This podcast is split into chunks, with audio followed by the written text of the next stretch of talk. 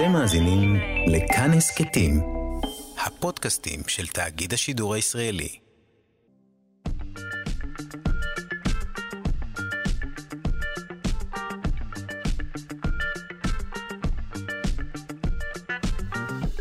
שלושה שיודעים. שלום, שלום, בוקר טוב. כמה אתם שמחים שפתחתם את הרדיו בזמן הנכון כדי לשמוע עוד תוכנית של שלושה שיודעים. היום אה, נדבר על uh, תוכי, שחשבנו שנפרדנו ממנו, אך עושה קאמבק מפתיע, וגם על גנים ניאנדרטליים. העורך שלנו הוא רז חסון, המפיקה אלכס לויקר, על הביצוע הטכני אלון מקלר, אני שרון קנטור. אני מזכירה לכם שאם אתם מחמיצים... בל יחמץ לבכם, אה, כי אנחנו משודרים גם בשידור החוזר בשעה שמונה בערב, וגם בצורה של הסכת, אה, שכל אחד יכול להאזין לו בזמנו החופשי. ועכשיו, כדאי שנתחיל.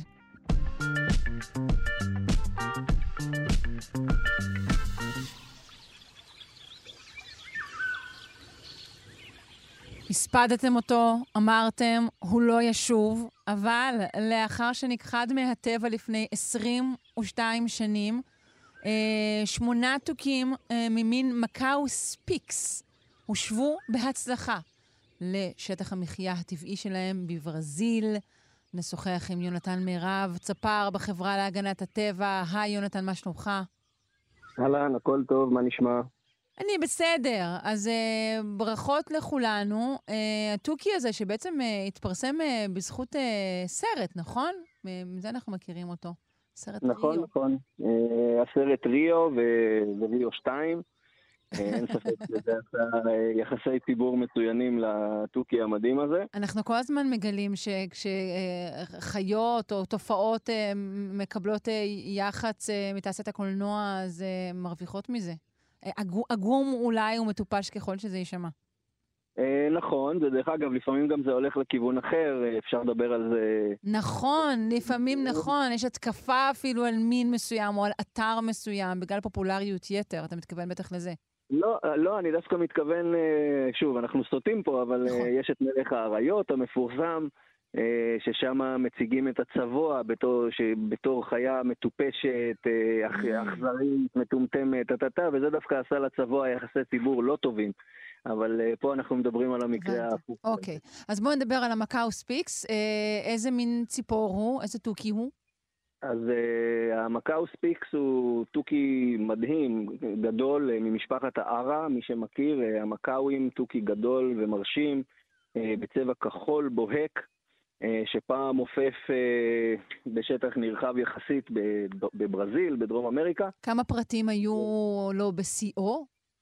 לא, זה, זה מין שעמד יפה בזכות עצמו. מין יפה, אה, אוקיי. כן, אלפי זוגות. אה, העניין הוא שקרה איזשהו מהלך כפול אה, ומאוד אכזרי מבחינת המין הזה. אחד המהפכה החקלאית בדרום אמריקה בכלל ובברזיל בפרט. במאה ה-19 התחילו להכניס כל מיני בעלי חיים, עיזים, פרות וכולי, לאזור המחיה שלו, ורעיית יתר גרמה בעצם להרס של בית הגידול. וככל שהתוכי המדהים הזה נהיה נדיר יותר, אז ככה אספנים פרטיים חשקו בתוכי כזה, מה שעודד ציד אה, בלתי חוקי שלו, mm. אז בעצם אה, אותו אפקט אה, מלחציים משני הכיוונים גרם להכחדה מוחלטת של המין הזה. הוא באמת מאוד מאוד יפה.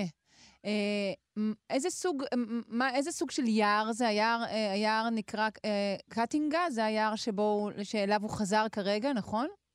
נכון, האזור שממנו הוא מגיע הוא לא יער גשם אה, קלאסי, אלא יותר אה, מה שנקרא אטלנטיק פורסט, זה הצד האטלנטי, אה, ובעצם יער של עצים נמוכים, יער יבש, עם קוצנים אפשר לקרוא לזה ככה. לא יער גשם קלאסי, כלומר הוא, הבית גידול שם נהרס לא מהסיבות שאנחנו רגילים אליהם מדרום אמריקה, אבל התוכי הזה פשוט נמחק לחלוטין. וכל מה שנשאר זה קומץ של פרטים אה, שהיו בכל מיני אוספים פרטיים של אנשים, גני חיות קטנים ו- וכולי. Mm-hmm. והרבה בעקבות באמת התהודה של הסרט אה, ריו, שיצא, שעורר המון אמפתיה למין הזה, זה בעצם אה, דרבן גופי שמירת טבע וגם הכניס קצת כסף לשמור על המין הזה, ובעצם יצאו באיזשהו פרויקט אמביציוזי שבו הקצו שטח, נשיא ברזיל ב-2018 הקצה בעצם שטח של שמורת טבע בבית הגידול הטבעי של התוכי הזה, ובמקביל מאות תוכים כאלה נכנסו לגרעיני רבייה במקומות שונים בעולם. כן, צריך להגיד שבשנת 2000, אנחנו צריכים לציין, בטבע אה, היה רק פרט אחד, ציפור אחת יחידה, והוא היה זכר. אז בעצם כל ההחייאה אה, של המין עכשיו היא עם ציפורים בשבי, נכון? נכון מאוד, וזה מה שבעצם אה, מעניין פה, שכל גרעין הרבייה בעצם, כשעושים השבה של בעלי חיים לטבע, אז אנחנו עושים גרעיני רבייה בכל מיני מקומות, בשאיפה שבאיזשהו שלב תהיה אוכלוסייה איתנה מספיק בשביל להחזיר אותם לשטח שממנו הם נעלמו. הבעיה שהמקאו ספיקס באמת לאורך שנים די רבות בעצם כל האוכלוסייה הייתה אוכלוסיית שבי. וכשציפור נמצאת בשבי אז היא מאבדת קצת... בדיוק, מה... זה כבר לא אותה ציפור זו שאתה מחזיר, אז איך עושים את זה? אז מה שעשו זה בעצם, הבעיה היא קודם כל שהציפור אה, נהיית אה, ידידותית יותר מדי, או לצורך העניין אה, מתבייתת קצת יותר מדי. לא זהירה. הבעיה, הבעיה השנייה זה שיש לך מדגם קטן של פרטים, אז המגוון הגנטי יכול להרוס בעצם את סיכויי ההשבה, בגלל שכשהפול הגנטי הוא קטן, אז הבעיות הגנטיות אה, עולות. כן. אז בעצם, אה, בעיקר בזכות גרעין רבייה גדול בגרמניה, השתמשו בטכנולוגיות אה, מאוד מאוד מתקדמות של מיפוי גנטי, אה, והצליחו בעצם לעשות את החיבורים, את ההכלאות בין זכרים ונקבות אה, פוריים. כאילו למנוע לפגוע... כל מיני בעיות של נישואי קרובים, נקרא לזה. בדיוק, כל מיני אה, בעיות גנטיות שנוצרות אה, מקרבה גנטית גדולה מדי, אבל בסיוע הטכנולוגיות המתקדמות האלה הצליחו לעשות את, ה, את החיבורים האלה בלי לפגוע אה, בגנטיקה בעצם של המין הזה. ולפני אה, מספר חודשים אה, הוחזרו שמונה פרטים של מקאו ספיקס לאותה שמורה שעליה אנחנו מדברים במדינת בהיה בברזיל, והיום הם אה, מעופפים להם בשמחה ובששון. בגלל שהציפורים האלה גדלו, סליחה, בגלל שהציפורים האלה גדלו בשבי, אז שחררו אותם לטבע בחזרה יחד עם עוד מין נוסף של מקאו, מקאו איליג'ר, שזה עוד מקאו אה, נדיר יחסית. אה, והמקאוים האלה, האיליג'ר, הם היו ציפורי בר שבעצם בילו פרק זמן מאוד קצר בשבי, אז עדיין כל האינסטינקטים שלהם חדים, הם יודעים להישמר, הם יודעים למצוא מזון, הם יודעים להסתדר, והיום הלהקה המעורבת הזאת של שני מיני המקאו, אה, נראה שמתאקלמת יפה, ומאז השחרור כולם עוד בחיים. כלומר, המין המבוית פחות, הפראי יותר, הוא, הוא מגן על הספיקס בנוכחותו בעצם? הוא מלמד אותו אולי אה, דברים שהוא שכח? איך זה עוזר? כן, ברמה אפשר לפשט את זה בצורה כזאת, הוא לא מגן עליו, אבל בעצם אה, התוכים הם מאוד חברותיים. וההתרועעות הזאת יחד עם מין שהוא פראי יותר, כפי שהצגת את זה, בעצם אה, מחזיר לו את האינסטינקטים או מחדד לו את האינסטינקטים הטבעיים ש, שנמצאים בו. כן. ובנוסף, באזור שבו הם שוחררו, אה, ישנם אה, אתרי כינון, זה תוכי שמקנן בחורים, אז בעצם דאגו שיהיו שם כל מיני נקודות כינון פוטנציאליות, גם טבעיות וגם מלאכותיות. והשלב הבא זה שבחורף הקרוב אה, מתכוונים לשחרר עוד 12 פרטים, אה, וכולם, אה, אנחנו כולנו מקווים בעצם שהלהקה החדשה הזאת של 20 ספיקס בעצם יתרבו כבר באביב הבא באופן טבעי, וזה יהיה החותמת שההשבה לטבע הייתה מוצלחת, וזה באמת סיפור מדהים, שמין שחזר מה, מההכחדה בעצם, אה, ובעוד אנחנו מדברים פה, אה, מעופף לו חופשי בבית הגידול המקורי שלו. זה אדיר. אני רק לפני שאני שמחה לטווח ארוך, מהם הסכנות שאורבות לו פרט לאלו שביטלנו בזה ששחררנו אותו בשמורת טבע? כלומר, מה, מהאדם ומהציד ומהחקלאות, מזה הוא כרגע ניצל. אבל מה מאיים עליו שם? כי בטח יש איומים טבעיים למיניהם. זה ציפור גדולה וחזקה שאין לה כמעט אה, טורפים טבעיים. אה, כלומר, הם כן יכולים איכשהו להיפגע בזמן הכינון, אם איזשהו טורף אה, אוכל את הביצים או את הגוזלים, או ציפורים צעירות בכלל, הן פגיעות יותר. אבל אין ספק שגם במקרה הזה וגם ברוב המקרים הסכנה העיקרית היא האדם ודברים שקשורים לאדם. אז פה השטח הטבעי מוגן, בעל החיים מוגן, ואנחנו מקווים מאוד שהוא יוכל להתמודד עם, ה, עם המצב החדש אה, יותר בקלות. נהדר, נאחל בהצלחה אה, למקאו ספיקס, אה, ונודה לך, יונתן מירב, צפר בחברה להגנת הטבע, תודה רבה. בשמחה, שיהיה יום טוב.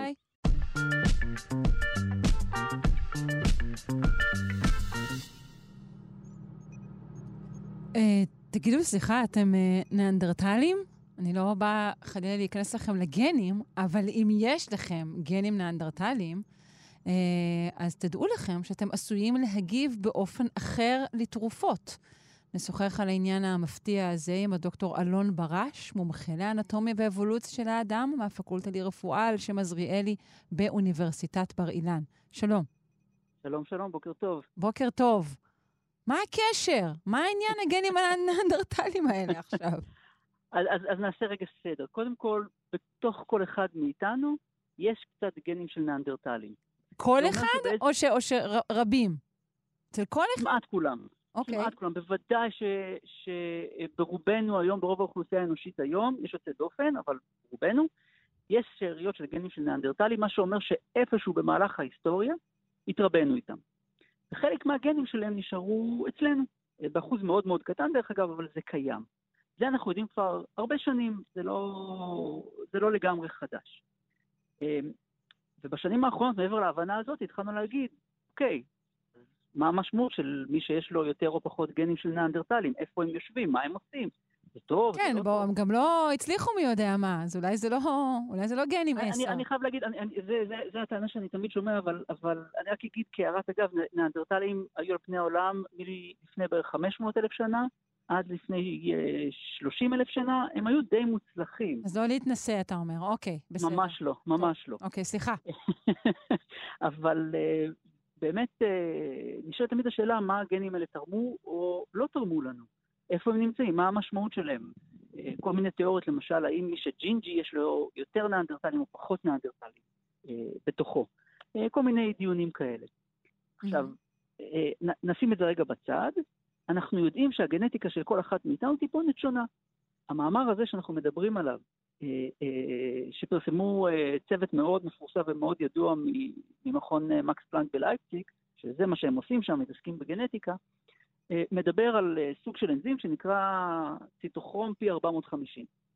אה, זו קבוצה של אה, חלבונים שהתפקיד שלהם אה, בגוף שלנו בעיקר, אבל זה קיים למעשה בכל בעלי החיים והצמחים, אה, בעיקר לפרק חומרים שמזיקים לנו. אה, זאת אומרת, אה, אנחנו לוקחים איזשהו חומר לתוך הגוף, תרופה או דברים אחרים. רוב התרופה הזאת מתפרק על ידי אותם סדרה של אנזים, יש המון המון סוגים כאלה שנקראים ציטוכרום P450, אה, והם מפרקים תרופות. אה, לצורך העניין שלנו מפרקים תרופות. לקחתי נגיד אה, אדוויל, אדקס, מה שנקרא איבופרופן. אה, וחלק נכבד מתפרק על ידי ציטוכרום P450 ובכלל לא מתפקד, הוא לא עושה שום דבר בגוף שלנו, כי הוא מתפרק בכבד. כאילו, הגוף לוקח את מה שהוא צריך כדי שכאב הראש הנורא שלי אה, יפסיק, והשאר, אה, האנזים הזה נפטר ממנו. אז יותר מזה, אנחנו יודעים שאחוז מסוים מראש ייהרס בקיבה, אחוז מסוים אה, אה, אה, ייהרס בכבד על ידי אותו ציטוכרום P450, אה, וחלק יגיע לאיפה שהוא צריך להגיע בגוף כדי להוריד את, את, הטמפרטורה של הגוף וכדי לעצור את הכאב ראש. אוקיי. מראש חברות התרופות שמות כמות מסוימת של חומר מתוך ההבנה שאחוז נכבד מאוד מהחומר יתפרק. עכשיו, יש לנו הבדלים בכל אחד מאיתנו, קצת הבדלים בתוך, ה... בתוך האנזים הזה. ואצלי הכאב ראש יעבור לגמרי, ואצלך הוא ירד בשתי דרגות, די, אתה הכי קורא אותי כספר פתוח. לגמרי. ו... או שהפוך, אני לא כמובן מחווה דעה אישית. לא, לא. אני חוששת שדייקת. כן, אז, אז, אז, אז באמת, באמת אה, החברות תרופות מתכננות את זה ככה מתוך הידיעה שחלק נכבד מתפרק. אבל זה לא, כמו שאמרתי, זה לא זהה אצל כולנו, ואנחנו יודעים את הדברים האלה, יודעים את כן. זה באמת הרבה מאוד שנים, אבל עכשיו מה שהמאמר הזה מחדש, שמי שיש לו אה, את אותו שינוי במבנה, וזה ממש הבדל במבנה של לעשות ציטוכרום, סוג מסוים של ציטוכרום P450, אה, פחות מפרק אה, את אותן תרופות. זאת אומרת, אה, ש- שהתוצאה של זה, שהוא פחות מפרק אותם, זה ש- ש- שהם כמות- ישפיעו עליו יותר? יותר. פח- יותר, אוקיי. יותר, יותר. מהמם. עכשיו, מה הבעיה בזה? כל החומרים האלה הם באמת, באמת רעילים. בעל דרגה מסוימת הם ממש רעילים לגוף. ויכול להיות שאחד מאיתנו, נגיד, יגיע לרוויה ולכמות רעילה הרבה לפני השני. וזה חיסרון. וזה כמובן חיסרון. כי אם כאב הראש יהיה קצת יותר או קצת פחות, זה לא נורא. אבל אם המינון הוא לא, הוא, הוא יהיה גבוה מדי, זה כבר ממש יכול להיות מסוכן. אוקיי, בוא נחזור לנאנדרטלים, לגן הנאנדרטלי.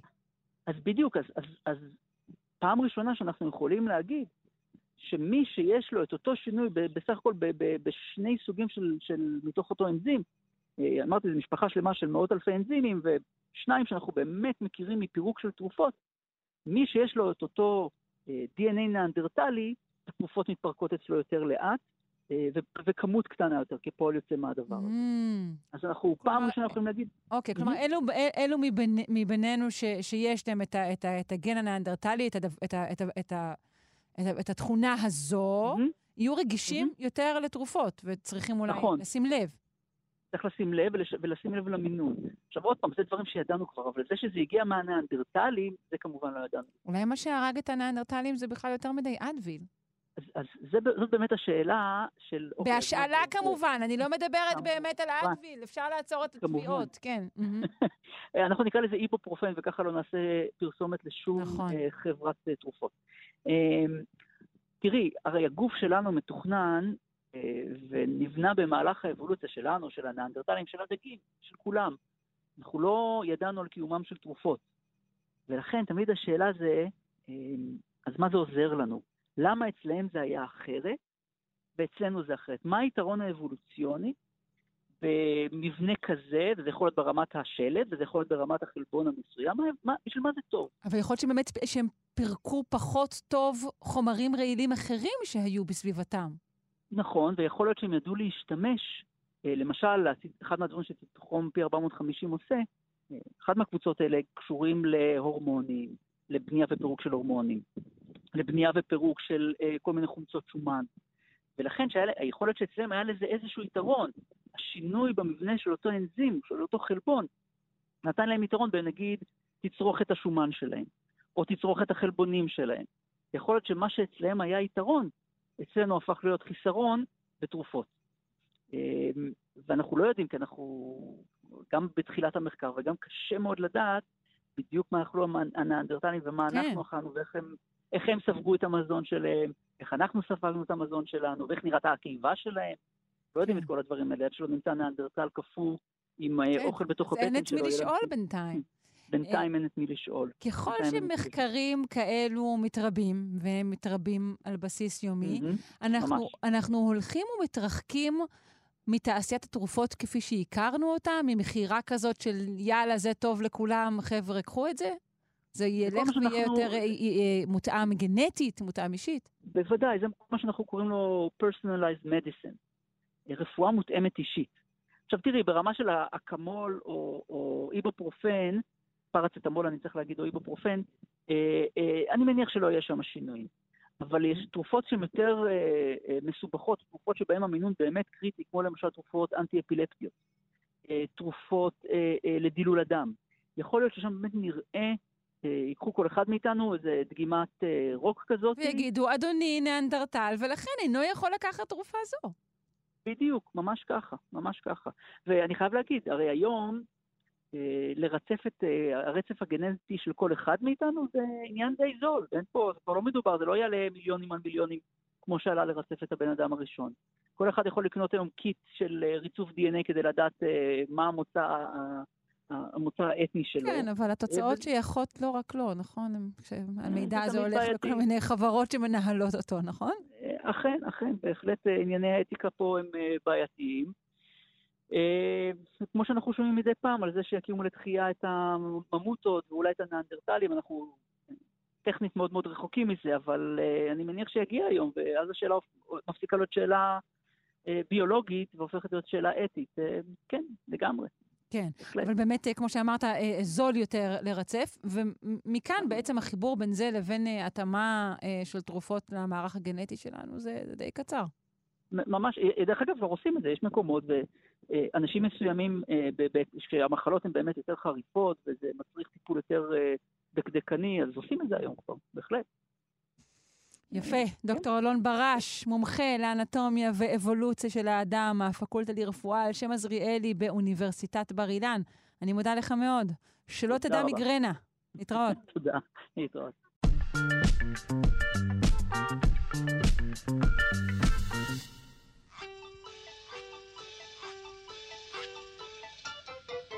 בחשבון זה נכון, אי אפשר לרפרף. בחשבון זה נכון, אי אפשר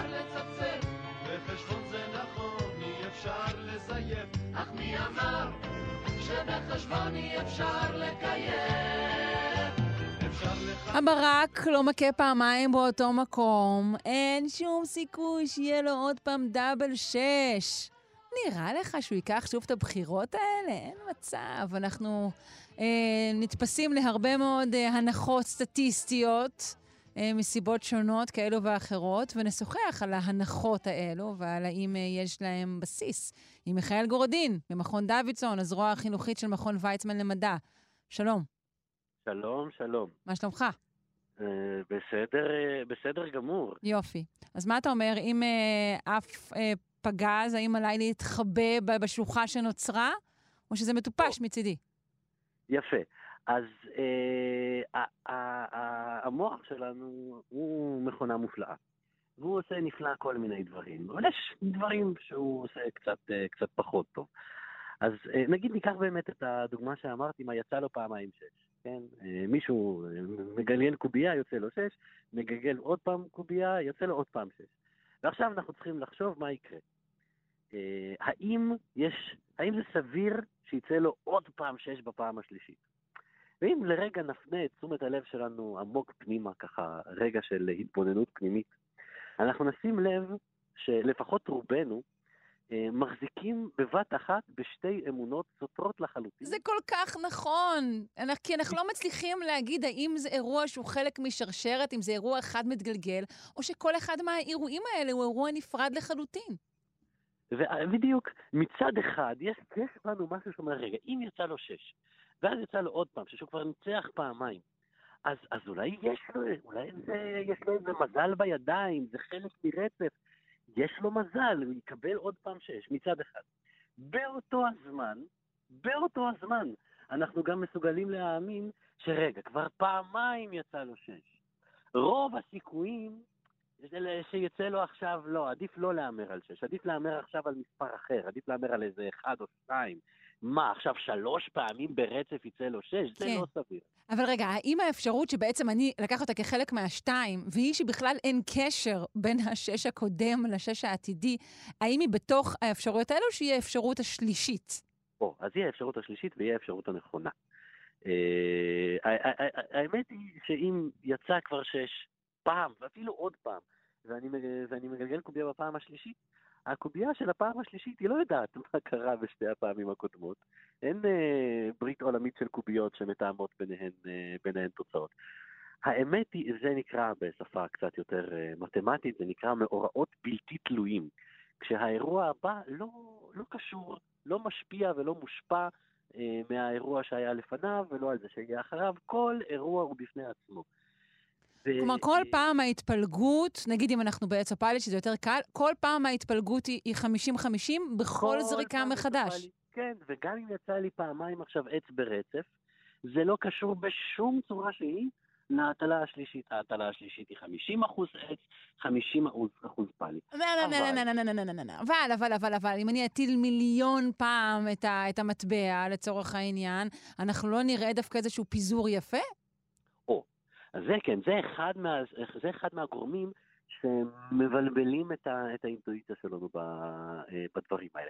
זה נכון, כשתטילי מיליון פעמים את המטבע, נכנס לפעולה חוק המספרים הגדולים, שהוזכר אה, אפילו גם בתוכנית הזאת כמה פעמים, נכון. הוא כוכב גדול בשמי המתמטיקה, אה, והוא אומר שאם מטילים מיליון פעמים, אז ה... הרצפים אה, צצים, כן? רוב המכריע של זה, זה, אה, הדבר, זה בלתי סביר ברמה שזה לא יקרה. אה, את תראי כמעט 50-50, אבל זה לא אומר שום דבר על הפעם המיליון ואחת. זאת אומרת, תשאלי אותי מה יקרה במיליון הטלות. כשאני מסתכל על כולן ביחד, אני אדע להגיד לך פחות או יותר חצי-חצי, אולי איזה כמה, קצת לפה, קצת לשם. תשאלי אותי על ההטלה המיליון ואחת, אני לא יודע עליה כלום. יותר מזה, גם כשידעתי להגיד לך בוודאות כמעט מוחלטת מה קרה במיליון הטלות בסך הכל, תשאלי אותי, ומה עם ההטלה מספר 478? מה קרה שם? שם היה עץ או פאלי? אני לא יודע כלום. כן, 50% כן, אבל, אבל, אבל, אבל, אוקיי, אז, אז, אז אוקיי, אז אתה אומר לי, בכל כך הרבה, במיליון, אז ההסתברות בסוף תהיה ככה 50-50. ואז אני מתחילה לחתוך את זה. ההתפלגות. ההתפלגות, סליחה. ואז אני מתחילה לחתוך את זה, ואני אומרת לך, אוקיי, ובחצי מיליון, ואני חותכת וחותכת. כי, ו, אבל בסוף הרי כן יש שינוי. אני, אני מנסה להבין באיזה נקודה ממש- החוק הזה מתהפך. אז יש ממש, אה, אה, יש, אפשר לחשב את זה, יש נוסחאות. זה כמובן תלוי בהסתברות הבסיסית. אם אה, אנחנו עושים אצופלי, ההסתברות הבסיסית היא 50 אחוז. אם אנחנו מטילים קובייה, ההסתברות הבסיסית היא שישית. אם אנחנו בוחרים מספר באקראי מ-1 עד 10, ההסתברות הבסיסית היא עשירית. ואז תלוי, זה לא אותו מספר כל פעם, תלוי בהסתברות הבסיסית שהתחלנו איתה, יש, זה דבר אחד, שלום, ודבר שני, תלוי באיפה אנחנו שמים את רף הוודאות. מה זה נחשב מבחינתך בוודאות כמעט מלאה? את רוצה ודאות של 90 אחוז, 95 אחוז, 99 אחוז?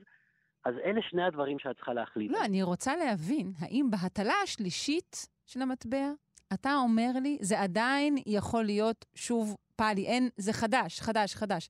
ו- נכון. אתה- ואנחנו זה אומרים, תמיד נכון. וגם בעשירית, וגם ב-15, וכל וגם במאה אלף, וכל אחת בנפרד. בכל אחד לוקחים בנפרד זה כך, אך, אך, אבל אבל ביחד, לא. 100 הטלות, את כל המאה הטלות ביחד, ותסתכלי כמה פעמים יצא לך עץ, וכמה פעמים יצא לך פאלי, אז זה, 100 זה כבר מס, מספיק ביחס להסתברות הבסיסית שהייתה לנו, כדי לקבל פחות או יותר אה, אה, חצי-חצי. אה, מתי, באיזה מספר של הטלות זה, זה כבר מתחיל להיות אה, מובהק, ה, ה- כן, הסידור הזה. בדיוק. אז, אז זה מה שאמרתי, זה תלוי ב, אה, ב, ב, בסיכוי הבסיסי שהתחלנו איתו, ובמה זה מבחינתך אומר מובהק. כמה, כמה, כמה קרוב, כי 100% זה אף פעם לא יהיה. תמיד יש סיכוי, זה, זה, אלה תהליכים אקראיים. אף פעם, אף פעם לא נגיע למצב, גם לא במאה, גם לא במיליון, גם לא במיליארד, גם לא במספר חלקיקי היקום. אה, אף פעם לא נגיע למצב שבו אני אגיד לך בוודאות, חותם 100%, זה מתחלק בול חצי-חצי. כן. זה תמיד יהיה, יש 98 אחוז שזה יהיה אה, חצי-חצי או אחד ליד. אה, 99 אחוז, 99.9 אחוז. אוקיי, אבל- אז מאיפה נולדו ההנחות האלו? נשאל שאלה שאולי מתחום הפסיכולוגיה. אה, אז זאת שאלה באמת כבר, אה, כבר, כבר לא מתמטית. אנחנו רק יודעים שאם יש תחומים במתמטיקה שבהם האינטואיציה שלנו עובדת מצוין, אה, התחום הזה של ההסתברות זה תחום שבו האינטואיציה שלנו כל הזמן אה, אה, מתפרקת. והדבר הזה, הלהבין אם זה כבר קרה, ומה הסיכוי שזה יקרה עוד פעם, והאם הרצף יימשך או שהוא פתאום מתפסק, זה ממש אחת מהנקודות ש, שבהן אנחנו לא מנחשים נכון. מה שנדמה לנו שהוא נכון, הוא לא נכון. הרבה אה, אה, אה, מקומות של הימורים מתבססים על כן. האפקט הזה כדי... אה, ישר אה, אני חושבת על מרוצי סוסים, כן. כן, כדי לתת, כדי לתת איזושהי תחושה של תח, תח, שליטה. אה, אז זאת אחת מה, מה, מההשערות אולי, שכשאנחנו, אחד מהדברים שהמוח שלנו טוב מאוד לעשות זה לזהות רצפים. ואז כשהוא מזהה רצף, הוא באופן טבעי נוטה להמשיך את הרצף הזה. קשה לנו אה, עם, עם, עם מצבים שהכל אקראי ו- ושום דבר לא ידוע והכל נתון ב- ביד הגורל. אנחנו כבני אדם, אנחנו רוצים להרגיש שאנחנו מבינים את הסיפור, שאנחנו יודעים מה קורה, שאם... אנחנו רוצים לטוות אז- סיפור, יותר מאשר להבין אותו, כן. אנחנו, אנחנו רוצים לטוות סיפור. אנחנו מתקשים יש- באמת עם איזו אקראיות צחיחה כזו. כן, יש בכלל אה, פסיכולוגים ונוירולוגים, אנשים שחוקרים את זה, שאומרים שהמוח שלנו, מה שהוא עושה זה מכונה ל- ליצירת סיפורים. אנחנו מסוגלים לקחת אוסף עובדות אה, לכאורה אקראיות, והרבה יותר טבעי לנו לקשור אותן ביחד לסיפור. זה אגב, אה, כך אומרים, אחד מהמקורות למשל סיפורי רוחות רפאים. הכיסא הזה זז והדלת הזאת חרקה. אז אנחנו יכולים להגיד שאלה שני אירועים שלא קשורים אחד לשני, ואנחנו יכולים להגיד שרוח רודפת את הבית. אה, ואנחנו יודעים לאן המוח שלנו נודד בקלות גדולה יותר. כן. טוב, כעת נתן לנו רק אה, לפענח ולקטלג סיפורים, אה, סליחה, זה לקטלג אנשים לפי רמת הנטייה שלהם אה, לתפור סיפורים מאירועים לא קשורים, כן או לא, אבל זה נעשה בפינה אחרת. מיכאל גורודין, ממכון דוידסון, הזרוע החינוכית של מכון ויצמן למדע, אני מודה לך מאוד. בשמחה. ביי.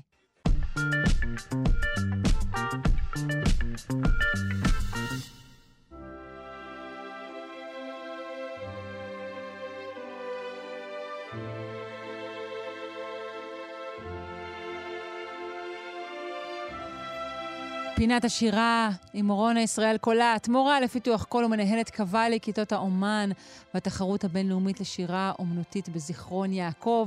היום אנחנו חוגגות יום הולדת 140 למוזיקולוג היהודי החשוב אברהם צבי אידלסון. נכון? נכון. מזל נכון. טוב שיהיה לנו.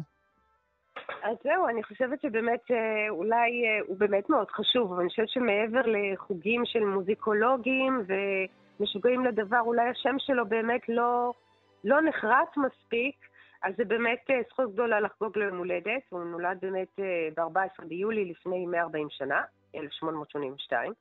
וההשפעה המכרעת שלו היא בזה שהוא אפשר ביצירה שלו, בעבודה שלו, ה... הוא סיפק את היסודות לזמר העברי, ובאמת אני אסביר מה, מה היסודות האלה, מה אני מתכוונת בזמר עברי, ארץ ישראלי. כן, זה קודם כל נגיד הוא- שהוא הוא, הוא למד מוזיקה בגרמניה, ואז הוא עלה לארץ, נכון? הוא נולד בלטביה והשתלם, כמו שאת אומרת, בגרמניה, זאת אומרת, במסורת האירופית, אבל אה, הוא, תוך כדי הלימודים שלו, הוא ספג את כל מסורות שונות של אירופה, והם לא סיפקו אותו. והוא גם נדד בדרום אפריקה כחזן, אבל הוא הגיע לפלסטינה ב-1905 או ב-1907, מקורות חלוקים, אז הוא הגיע בעלייה השנייה, מס והוא מסמן בחיים שלו את השתי מגמות החשובות בתרבות העברית המתחדשת, חיפוש או בריאה של תרבות עברית עכשווית עם זיקה לעבר הקדום, והמגמה השנייה זה הפניית עורף לגלות האירופית, לדמות הזו של היהודי, היידישאי, שכביכול מנותק מהמקור, והחיפוש של המקור בדמות של היהודי המזרחי, או בערבי השורשי המחובר לאדמה, זו כמובן תפיסה מערבית של מה באמת יותר אותנטי, כן. למה תטעני שהמזרחי יותר אותנטי מהשיר החסידי, אבל זה מה שהוא הרגיש, זה באמת גם תיאור פשטני של התהליכים שמשפיעים על המוזיקה והתרבות הישראלית, אבל אה, הוא באמת הראשון שלקח כלים אה, מדעיים יותר אה, כדי לקטלג ולחפש את המקור. הוא אבי האתנומוזיקולוגיה והמוזיקולוגיה היהודית המודרנית, והיכולת שלו לקטלג אוספים, לטוות, למיין בדרך קוהרנטית, הם אה, פשוט מעוררי השראה. תחשבי על זה שהוא, החזן האשכנזי הזה מגיע ליישוב הישן לירושלים ב-1905, ונחשף לבליל של נוסחים ומנגינות ופיוטים וטעמי מקרא מכל, מכל חדר, משלוש מאות הקהילות שמתקבצות שם, והוא ישר ניגש לעבודה, לעבודת הקודש של העלאת התרבות שבעל פה, של המסורות בעל פה, על הכתב. הוא הקליט עם פונוגרף, אה, ממש אה, הכלי הקלטה הקדום, הפונוגרף, הוא הקליט וטיווה וניתח והוא ערך ופרסם את המוזיקה הליטורגית העממית של עדות ישראל בסדרה מאוד מפורטת ועצומת ממדים שנקראת אוצר נגינות ישראל, והפרסום שלה נמשך 18 שנה, וזה יצא בעשרה כרכים בעברית, גרמנית ואנגלית. וכל כרך מוקדש לעדה מסוימת. בהתחלה זה תימן, שהם כביכול החשובים ביותר, וגם בבל, פרס, בוכרה, דגיסטן, יהודי ספרד המזרח, נקרא ספרדי המזרח, מרוקו, גרמניה במאה ה-18, דרום גרמניה, מזרח אירופה, אה, עד שהוא מסיים עם ניגוני חסידים, וזה באמת יפה שהוא בעצמו עשה את המעגל הזה והשלים עם זה את ה... איך שהוא הגיע הביתה בסופו של דבר, השלים את המעגל. אז אה, את, הוא היה גם אה, אה, מלחין, אז בואי נשמע שני שירים שלו, את השיר בחלומי למילים של אה, המשורר נוח פינס, עם הזמרת אופירה גלוסקה, וישר אחרי זה נשמע את הגידי לשמך, אה, המילים של יעקב כהן, בביצוע מנחם בן משה.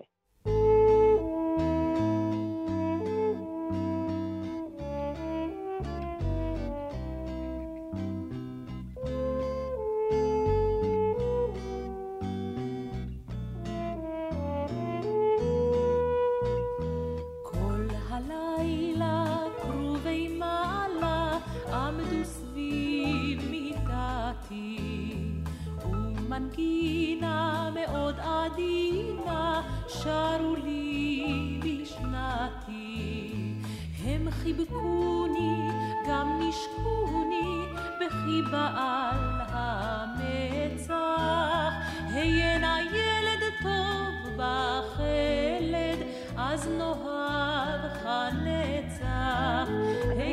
את שומעת את, ה, את כל המסורות של ירושלים בשיר הזה, הוא שיר ממש יפה. לי זה היה נשמע כמו הגייה אשכנזית, אבל אולי אני טועה, של המילים. אני חושבת גם בגלל העיבוד של שמעון לוי, עיבוד מאוד יפה, אבל אה, זה לא נשמע... לא, המשקל, המשקל בו המילים אה, נאמרות. נכון, עם העברה אשכנזית, כן. ובמיוחד שאופירה גלוצקה היא, היא באמת אה, ממוצא תימני, לא שומעים את ההתכה הזו, את המסורת, אבל אם נשמע עכשיו את השיר השני, את הגידי לשמך, הגידי לשמך וידייך כי כולך כולך רע. אז הוא באמת הושפע ממה שהוא שמע, אבל אין ספק שהמסורת שממנו מגיע מבית אבא, אה, חלחלה לכל מה שהוא עשה. זאת אומרת, יש פה באמת כור היתוך של לקחת את המוזיקה, את ההגיות של, ה- של המזרח, ואיכשהו להרמן אותם, או לשים אותם במגינות שבסופו של דבר כן נשמעות כמו בית אבא שלו. אבל מה שיפה... מה- זה זו ההקלטה הזו ששמענו עכשיו? אוי, זה מקסים. יש באמת הרבה אנשים שממשיכים את העבודה של אידלסון ומלקטים, כמו שהוא ליקט את המנגינות, שלא ייעלמו. אז מעלים לאתרים כמו זמר רשת, או הזמנה לפיוט, הנה קוראים לה הזמנה לפיוט, לאתר ששכחתי את שמו, ואם מישהו עכשיו מאזין או מזמזם שיר שנותר לו בזיכרון, אז כדאי שהוא ימהר להקליט את זה ויעלה לאתרים האלה כדי שלא לאבד את החוט. כי מי, מי מכיר בימים שלנו את, אה, את אה, העבודה של אידלסון ובני דורות ואת השירים של העלייה השנייה? אה, אז הם היו חלוצים לא רק בהקמה הפיזית של הארץ, אלא באמת של בניית היסודות התרבות שמחלחלים אלינו. כי באמת השיר של אופירה גלובקה נשמע לחלוטין ישראלי. זאת אומרת, יש שם איזה נכון. סיפור היתוך מסוים. וזה נכון גם שהשירים שהוא עצמו הקליט שרדו מאות בשנים מסורת שבעל פה, אבל הוא באמת ראה את הנולד, הוא ידע שאם לא משמרים, אז זה נעלם או משנה צורה. אז מצד אחד הוא, הוא מלקט כדי שיהיה לו חומר לכור ההיתוך התרבותי, מצד שני, כור ההיתוך התרבותי אה, ישנה וצריך לשמר אותו. אז זה באמת מי שאוהב לשמוע את המקור, שילך לאתרים האלה, שזה באמת מרגש לשמוע את האנשים האלה שמלקטים מהזיכרון את השירים שהם שמעו אה, מבית אבא. אז אה, נשמע עכשיו אה, עיבוד לפיוט תימני, שאהבת ראיה רצוני, ששרה מקהלת גברים בניצוח של אידלסון עצמו מ-1922.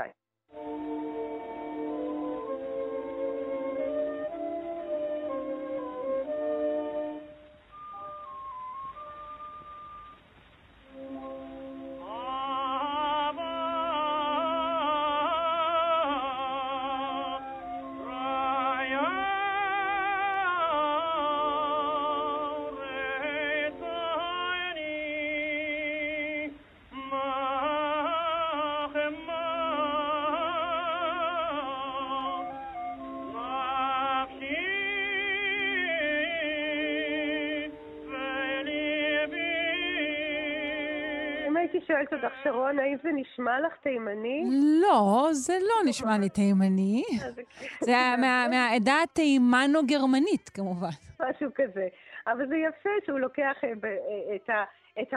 שומעים קצת ההשפעה של החליל, את, את, ה, את המנגינה הוא מאוד הרבה יותר איטי, והשירה היא כמובן של, של אה, זמר אה, במסורת אה, קלאסית גרמנית, אבל הוא לוקח את המנגינה, נותן הרמוניה שקצת מעקרת את המוטיבים המזרחיים, ומטמיעה את זה, אבל זה מה שבאמת עשו. לא, זה יוצא איזה שעטנז אקזוטי די מאלף, אבל אני לא יודעת כמה זה, את יודעת, כמה זה תורם לשימור פר סה, הדבר הזה, אני לא יודעת. כור היתוך, כור היתוך. כור היתוך, בהחלט. ש- כן, אז אם את הולכת להזמנה לפיוט, את תשמעי שם את המקור, אבל אין ספק שכל המוזיקה הישראלית היא כור היתוך אחד גדול, אז בואי נסיים עם שיר ברוח התקופה מאוד רלוונטי, עם אחד היינו, בשירה של מקהלת, אה, אה, מקהלת צדיקוב, בניצוח ובעיבוד של יצחק גרציאני. ונודה לך בשלב זה, רונה ישראל קולט, מורה לפיתוח קול ומנהלת קוואלי, כיתות האומן והתחרות הבינלאומית לשירה האומנותית בזיכרון יעקב. תודה. תודה לך.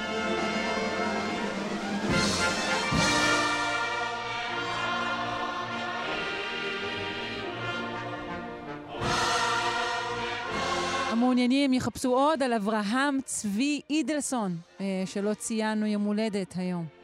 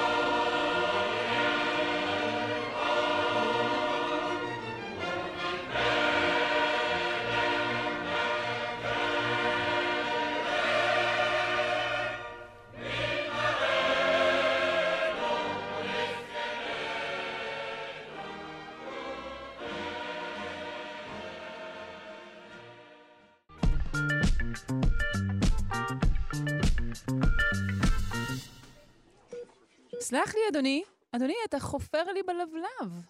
מחקר חדש מצא שבעת ניתוח תחת הרדמה, 11% מהמטופלים נמצאים ברמת הכרה מסוימת, ונשים נמצאות בסיכון מוגבר אה, להיות בהכרה, בזמן שאמורות להיות בהרדמה.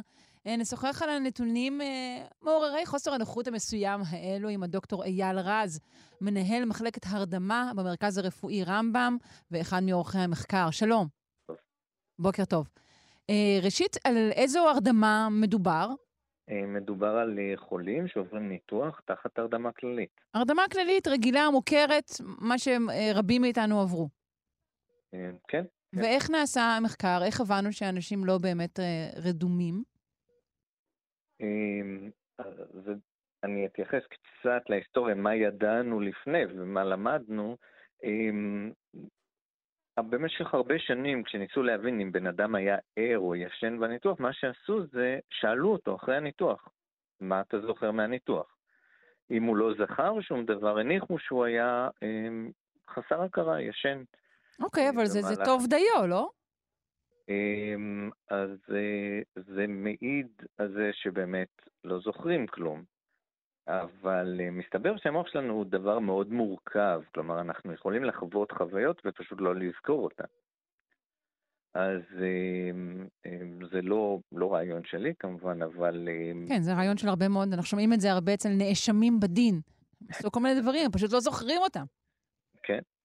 אז אנחנו הלכנו בעצם אה, לבדוק את זה בשיטה שבה במקום לחכות אחרי הניתוח ולנסות להבין מהמטופל אם הוא זוכר משהו או לא זוכר משהו, בזמן אמיתי לייצר איזושהי דרך שתאפשר לנו לתקשר איתו ולשאול אותו בזמן הניתוח מה הוא מרגיש. אוקיי, וואו, זה נשמע די רדיקלי. איך, אה, איך כן. תקשרתם איתו?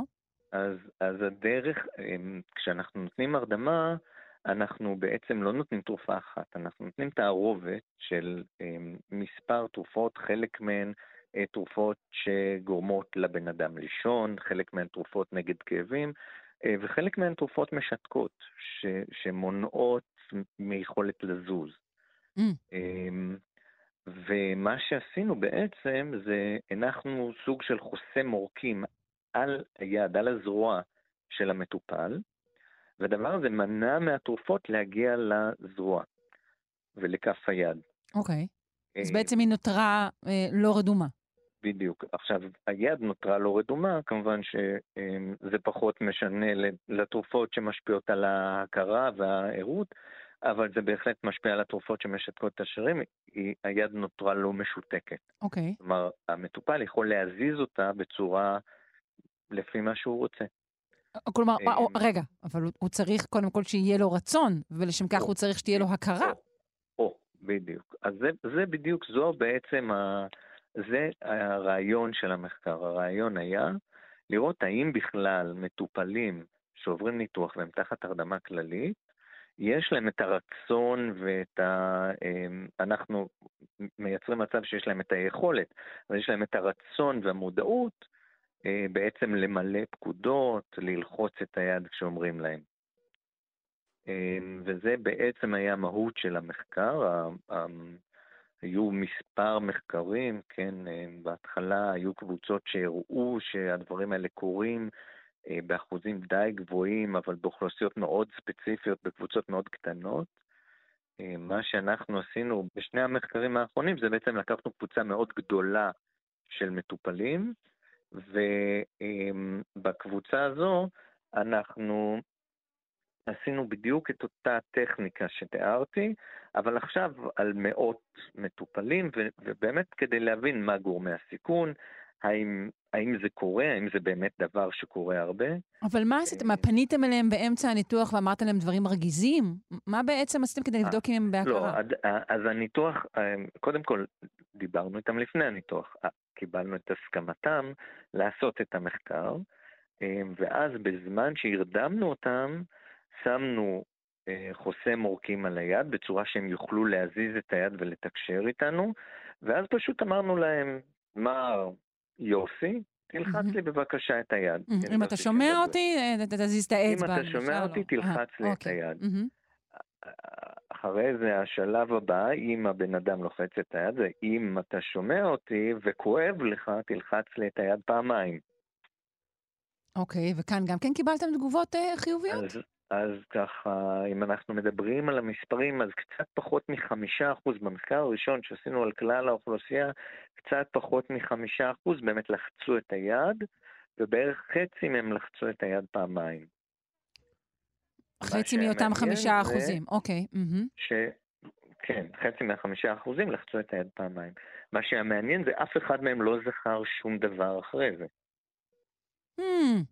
אוקיי, זאת אומרת שמה שנבדק עד עכשיו בתור, בתור האומדן להכרה או לא הכרה, לא היה מדויק, הוא עסק אך ורק בזיכרון ולא באמת בנוכחות בזמן אמת.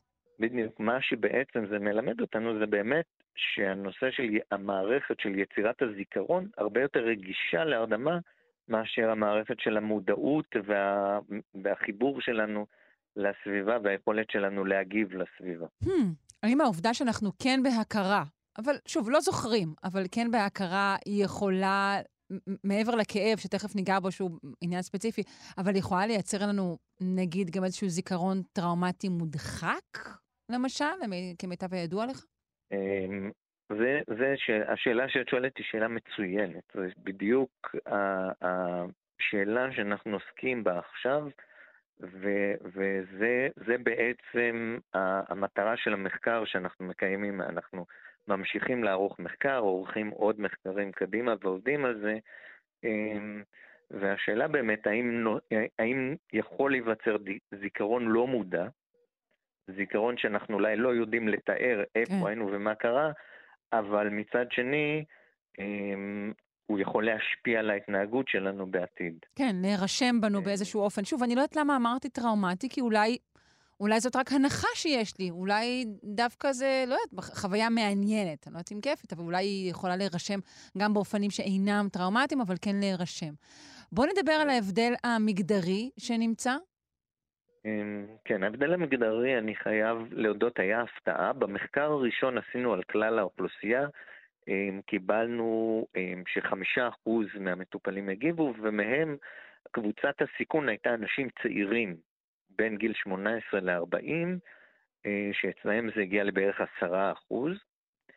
ואז כשחזרנו על המחקר, אמרנו, טוב, אנחנו רוצים להבין יותר, אנחנו רוצים באמת לראות את ההשפעות, לראות עד כמה אנשים ערניים, האם הם באמת מגיבים לגירויים מורכבים, כי זה לא בהכרח הבנה מלאה, כן, הפקודה הפשוטה תלחץ לי את היד יכולה להיות ברמת מודעות מאוד נמוכה, אז בדקנו רק אנשים צעירים שעובדים, אה, שעוברים אה, אמ, בין גיל 18 ל-40, ובתוכם הסתכלנו על כל גורמי הסיכון, מה יכול להיות גורם סיכון למצב כזה של ערות, וקצת להפתעתנו גילינו שנשים יותר עמידות להרדמה מגברים. כלומר, זה, זה, זה כי אנחנו גבוה. לא ישנות אף פעם לגמרי, אבל זה יכולנו לומר לכם את זה גם בלי מחקר. כן, זה, אמ, זה כנראה לא לגמרי אה, כל הזמן, זה תלוי אמ, ב- בעצם בהורמוני מין נשיים. יש, אמ, אנחנו אה, צריכים להוכיח את זה, אבל כנראה שלהורמוני מין נשיים יש השפעה על המוח והם גורמים לו אה, להיות יותר עמיד לתרופות ההרדמה. אנחנו מדברים על פרוגסטרון, אמ, ושוב, זה דברים שנמצאים היום במחקר, אני לא. יכול באמת לתת לך את השורה התחתונה, אבל מה שמסתמן כרגע זה באמת כאשר האישה עם רמות פרוגסטרון גבוהות, היא יותר עמידה אה, להרדמה. כלומר, ייתכן, שוב, זה ברמה, אמרנו שזה בבדיקה, שאולי יהיה רצון להתאים את, ה, את, ה, את ה cycle, את המחזור הנשי, כלומר, את הניתוח לימי, לימי הסייקל הנשי, או ההפך, להתאים את מינוני חומר ההרדמה בהתאם לנקודה אה, במחזור הנשי בו האישה נמצאת. כן. אה, שאלה אחרונה, אתה אמרת שחומרי ההרדמה בעצם מורכבים מכמה סוגים אה, של תרופות. אה, האם אנחנו יודעים, אם נעשה שינוי נגיד בחלק מהרכיבים, האם התוצאות יהיו אחרות, או שזה זה הנתון, זה ההרכב של חומר מרדים וזה ככה וזהו? יש, יש כמה תרופות הרדמה, אנחנו עוד לא מצאנו הבדל משמעותי בתוצאות בין, היו בתוך הקבוצה אנשים שהורדמו עם כל מיני סוגים של תרופות הרדמה מקבוצות שונות, Mm. לא מצאנו הבדל משמעותי באיזה סוגים של תרופות הרדמה, קצת אולי הבדל בטכניקה של איך נותנים אותם, אבל אמ, לא, לא מצאנו הבדל בין, בין שיטות שונות שמשתמשות בתרופות שונות. טוב, מעניין מאוד. דוקטור אייל רז, מנהל מחלקת הרדמה במרכז הרפואי רמב"ם, אה, אני מודה לך מאוד. להתראות. תודה רבה.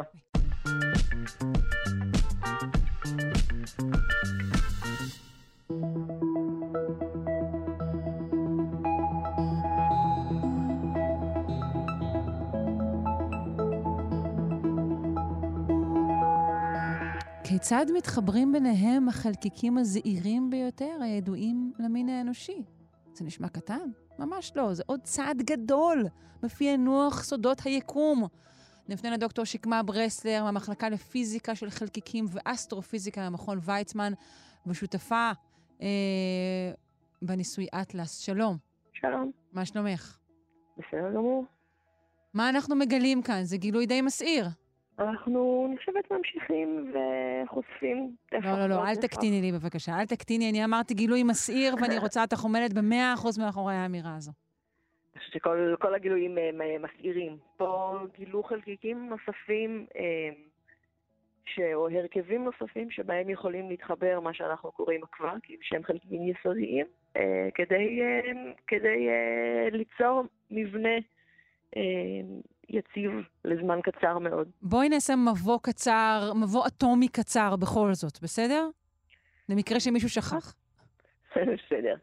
אז אנחנו בתחום של פיזיקה של חלקיקים יסודיים, בעצם חוקרים ומנסים להבין את המבנה היסודי של החומר, את אותן למצוא ולהבין איך פועלות אותן אבני בניין בסיסיות ביותר, שמהן אולי מורכב כל מה שאנחנו רואים סביבנו. אנחנו, לפי המודלים שאיתם אנחנו עובדים, אה, לפי בעיקר מודל שנקרא המודל הסטנדרטי. אה, יש בטבע, או היקום מורכב כולו מכ-17 אבני בניין יסודיות, 17 חלקיקים כאלה, שהם קטנים מאוד, הם, הם, אין להם נפח בכלל. אה, ו... והוא מסביר טוב לא רק, לא רק את הקיום של החלקיקים האלה, אלא גם את האופן שבו הם עושים אה, אינטראקציות או מגיבים אחד ביחס לשני. עכשיו, אה, למשל הפרוטון שאנחנו כולנו, אני חושבת, מכירים, מורכב משלושה חלקיקים יסודיים אחרים, קווארקים כאלה, וה, והמודל מסביר למה אותם קווארקים בעצם עוד דוחים אחד את השני ומצליחים להיות, להישאר מאוד קרובים, כדי לה, להרכיב עבורנו את הפרוטון. בעצם אז, אז מה שהתגלה זה עוד הרכב כזה של, אה, של חלקיק שעשוי מקווארקים. אה, שלאורך שנים אה, נחזתה או נחזה האפשרות שדבר כזה, שחלקים כאלה קיימים, אבל בעצם לא, לא נמצאו קודם.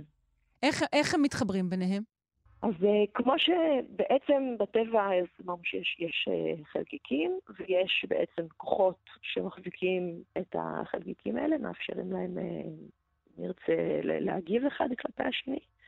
אז קצת באופן דומה לזה שאם מסתכלים על, על, על אטום, אז יש את הגרעין וסביבו נעים האלקטרונים.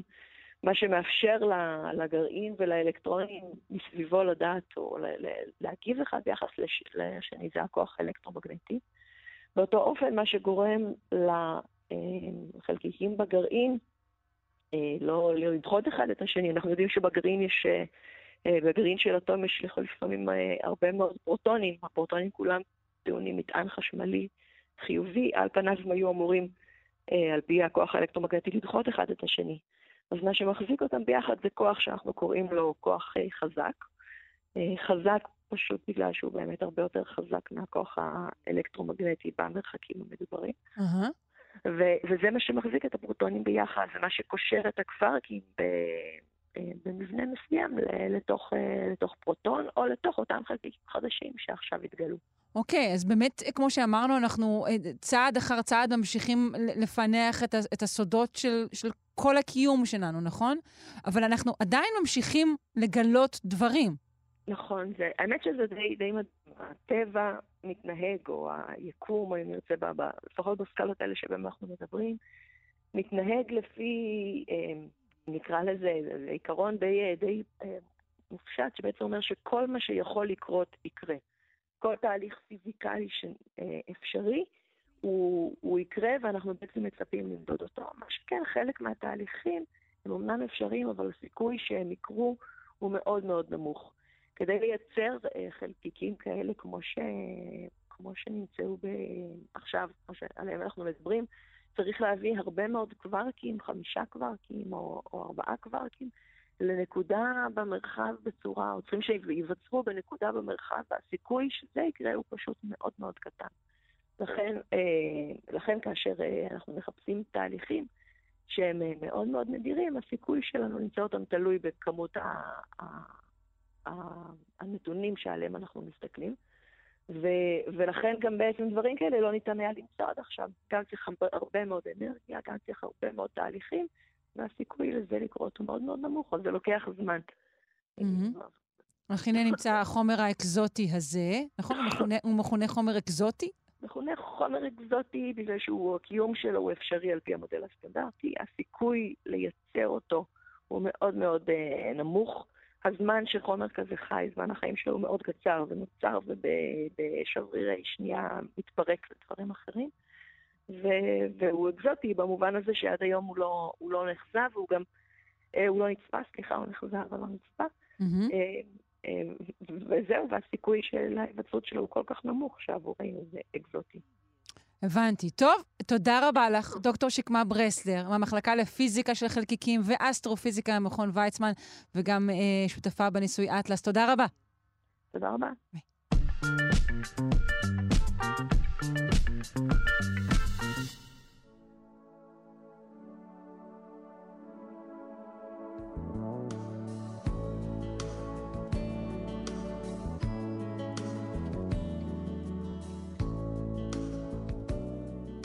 פינת הקיימות עם יאיר אנגל, מעצב ומנכ"ל קיימה, מרכז לתכנון ועיצוב מקיים.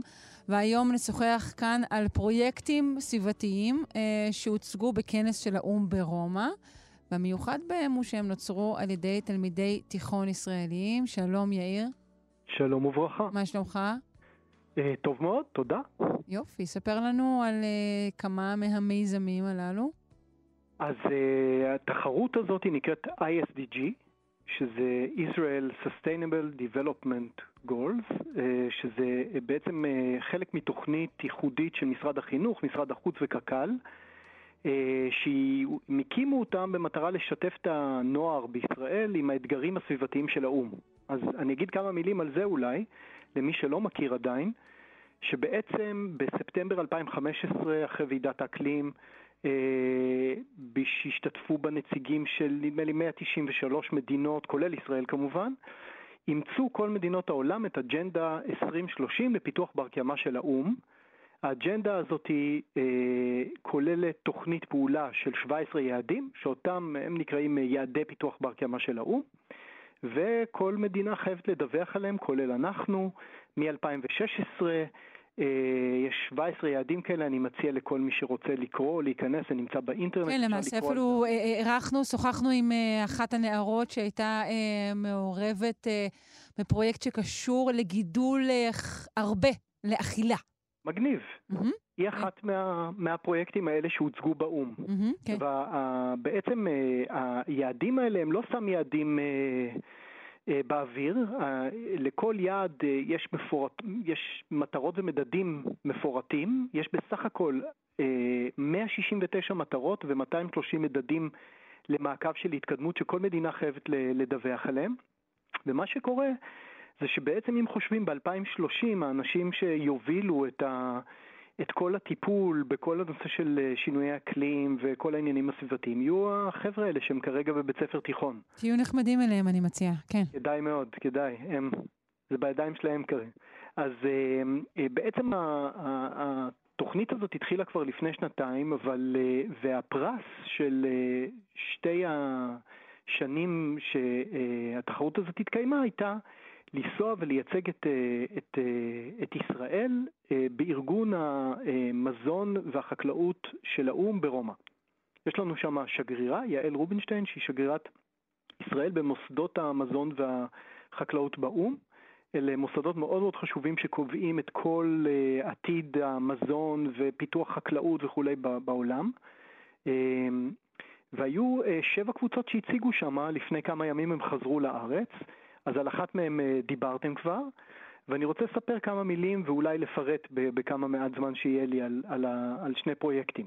כן, כן, פרט נא. אז, אה, אז אה, כן, אז היה את תלמידי תיכון ברנקו וייס בבית חשמונאי, שעבדו על הפקת אתנול מקנה סוכר, באופן שיאפשר להשתמש בו כחומר חיטוי לזיהומים במדינות מתפתחות. אז, אז הנה עוד פרט ש, שלא הזכרתי, אחד הרעיונות בפרויקט הזה שכל בית ספר, מעל 100 בתי ספר שהגישו מראש, היו צריכים לבחור מדינה מתפתחת מתוך רשימת המתפת... המדינות המתפתחות בעולם, וליצור קשרים ו- וקשרי עבודה וקשרי אה, מחקר עם המדינות האלה וארגונים שקשורים אליהם, ול- וליצור פרויקט שהוא אה, ספציפית הולך לטפל בבעיה שגדולה מאוד במדינה הזאת. אה, אה, תלמידות תיכון מקיף עין מעל, הם חקרו את האפשרות להשתמש בציאנו-בקטריה לעיצוב קרקע כדי להתמודד עם נדידת חולות, חולות בסודאן. אמ, תלמידות אה, תיכון עירוני מקיף א' בבאר שבע בחרו, להתמקד בבעיית זיהום האוויר בהודו וביצעו פיילוט אה, שניסו להפוך את המנהג לשרוף שאריות תבואה לתהליך בו יפיקו נייר מאותה תבואה שלא נעשה בה שימוש. אה, תלמידי בית ספר לחינוך בעין גדי הציגו מודל של נטיעת עצי מורינגה בשטחים פתוחים בקניה, כי העלים של המורינגה הם מכינים, מכינים כמויות אדירות של אה, מינרלים, ויטמינים, mm-hmm. נוגדי חמצון, והרעיון היה לגדל את זה כדי להתמודד עם מחלה, כן. מחלות ותמותות בקניה. ועוד שני פרויקטים, אה, החווה החקלאית עין שמר, שאני ממליץ לכולם ללכת לבקר שם, זה פרויקט מדהים שהוקם לפני הרבה מאוד שנים על ידי האומן אביטל גבע. ואפילו החממה הזאת הוצגה בביאנלה בוונציה בזמנו בתור כן, זהו, זה נקרא חממה, כן. בדיוק, כן. וזה הפך להיות אה, מוסד חינוכי מדהים, והפרויקט שלהם עסק בעדשת המים. הם פיתחו אה, מערכת לגידול עדשת מים, שזה צמח עתיר חלבון, שמתאים לאזורים כפריים ולא דורש חשמל ומי שתייה, והרבה מי שתייה לגידול. והם אה, נעזרו בארגון מקומי מקניה, ששם עדשת מים היא לא מין פולש. והם בעצם יצרו מקור מזון בריא ונגיש שיסייע לעזור למדינות מתפתחות בשיפור הביטחון התזונתי. המערכת שהם פיתחו מבוססת על עיקרון אפס פסולת, ולכן גם את הדשן שהם צריכים לגידול העדשה, הם בעצם, אה, יש להם רכיב ייעודי במערכת שמבוסס על שאריות מזון ביתי ומייצר גם ביוגז. והמערכות האלה הן הופכות להיות ממש ממש מערכות אה, אופרטיביות. אמ, שאפשר ממש להשתמש בהם ולייצר אותם, וזה היה הרעיון של אה, להציג אותם שם כדי ליצור שיתופי פעולה גם במדינות, ששם הגיעו כל הנציגים של האו"ם, ו- וגם ללמד את הילדים ממש לפתח מזה פרויקטים שאפשר להריץ אותם על, על אמת ולהתחיל איתם פיילוטים. Mm-hmm. הפרויקט האחרון שאני רוצה לספר, יש לי קשר ישיר אליו למען הגילוי הנאות, אני הנחיתי אותו, ואני מאוד גאה שהוא זכה. יפה. זה תלמידי אשכול פיס למדעים ואומנויות אוהל שם ברמת גן, והפרויקט שאנחנו התעסקנו בו הוא אה, טיפול בפסולת אורגנית, שהיא בעיה ענקית ולא מטופלת גם בישראל, אה, ובייחוד במדינות מתפתחות, ואנחנו בחרנו לעבוד עם צפון מקדוניה. אה, עבדנו בשיתוף פעולה עם השגריר דן אוריאן, שכיום הוא מנהל אגף אה, מדינות הבלקן במשרד החוץ, והרעיון, כמו שאמרתי, היה ליצור קשרי עבודה ומחקר ושיתופי פעולה, ואנחנו עבדנו עם פריזם, סטארט-אפ ישראלי מדהים שעוסק בזבוב החייל השחור, אה, ועם חברת מזון בעלי החיים הכי גדולה במקדוניה. אז כמה מילים על הפרויקט הזה, אם יש לי עוד קצת זמן, זה... יש לך בהחלט דקה, שזה די הרבה זמן. המון. הזבובת החייל השחור מטילה כאלף ביצים קטנטנות, שמהם בוקעות רימות, שאוהבות מאוד מאוד לאכול פסולת אורגנית. הן גדלות במהירות עצומה, תתארי לך, אה, נותנים בתור דוגמה של גודל, מגודל של תינוק לגודל של שלושה פילים תוך שבועיים. ומקור מעולה לחלבון שיכול בש... בקלות לשמש מזון לתרנגולות ולדגים, למשל, במקום לגדל את כל אה, המון המון אוכל שלהם שיכול לשמש לבני אדם, אה, פשוט משתמשים במזון שגדל על הפסולת שלנו. והתלמידים שלנו פיתחו מערכת גידול אה, חצי אוטונומית שנמצאת בתוך מכולות, מכולות אה, שילוח כאלה, mm-hmm. ואפשר להציב אותם בכל מיני מקומות שיש בהם המון פסולת אורגנית זמינה, שלרוב מוצאת את, אה, את הדרך שלה להטמנה, משחררת גזי חממה, וליד סופרמרקטים, ליד השוק, ובעצם לקחת את כל הפסולת הזאת ובעזרת רימות לפרק אותה.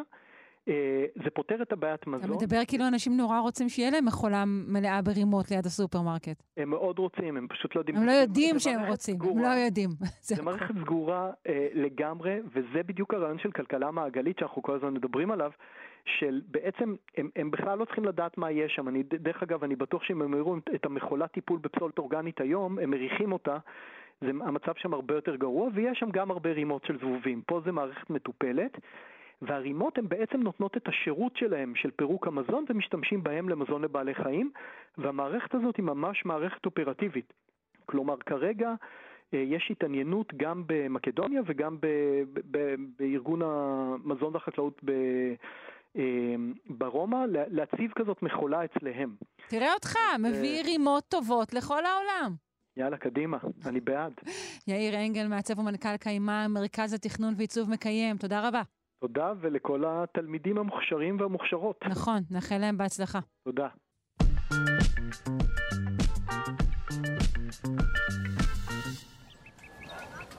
גם אנחנו רוצים לטבול מעט בסערת הנידה, אה, שעדיין לא שכחה, ונעשה את זה מהזווית שלנו. אה, מקווה שלם וייחודי מימי בית המקדש השני אה, התגלה בחפירות באזור הרובע היהודי בירושלים.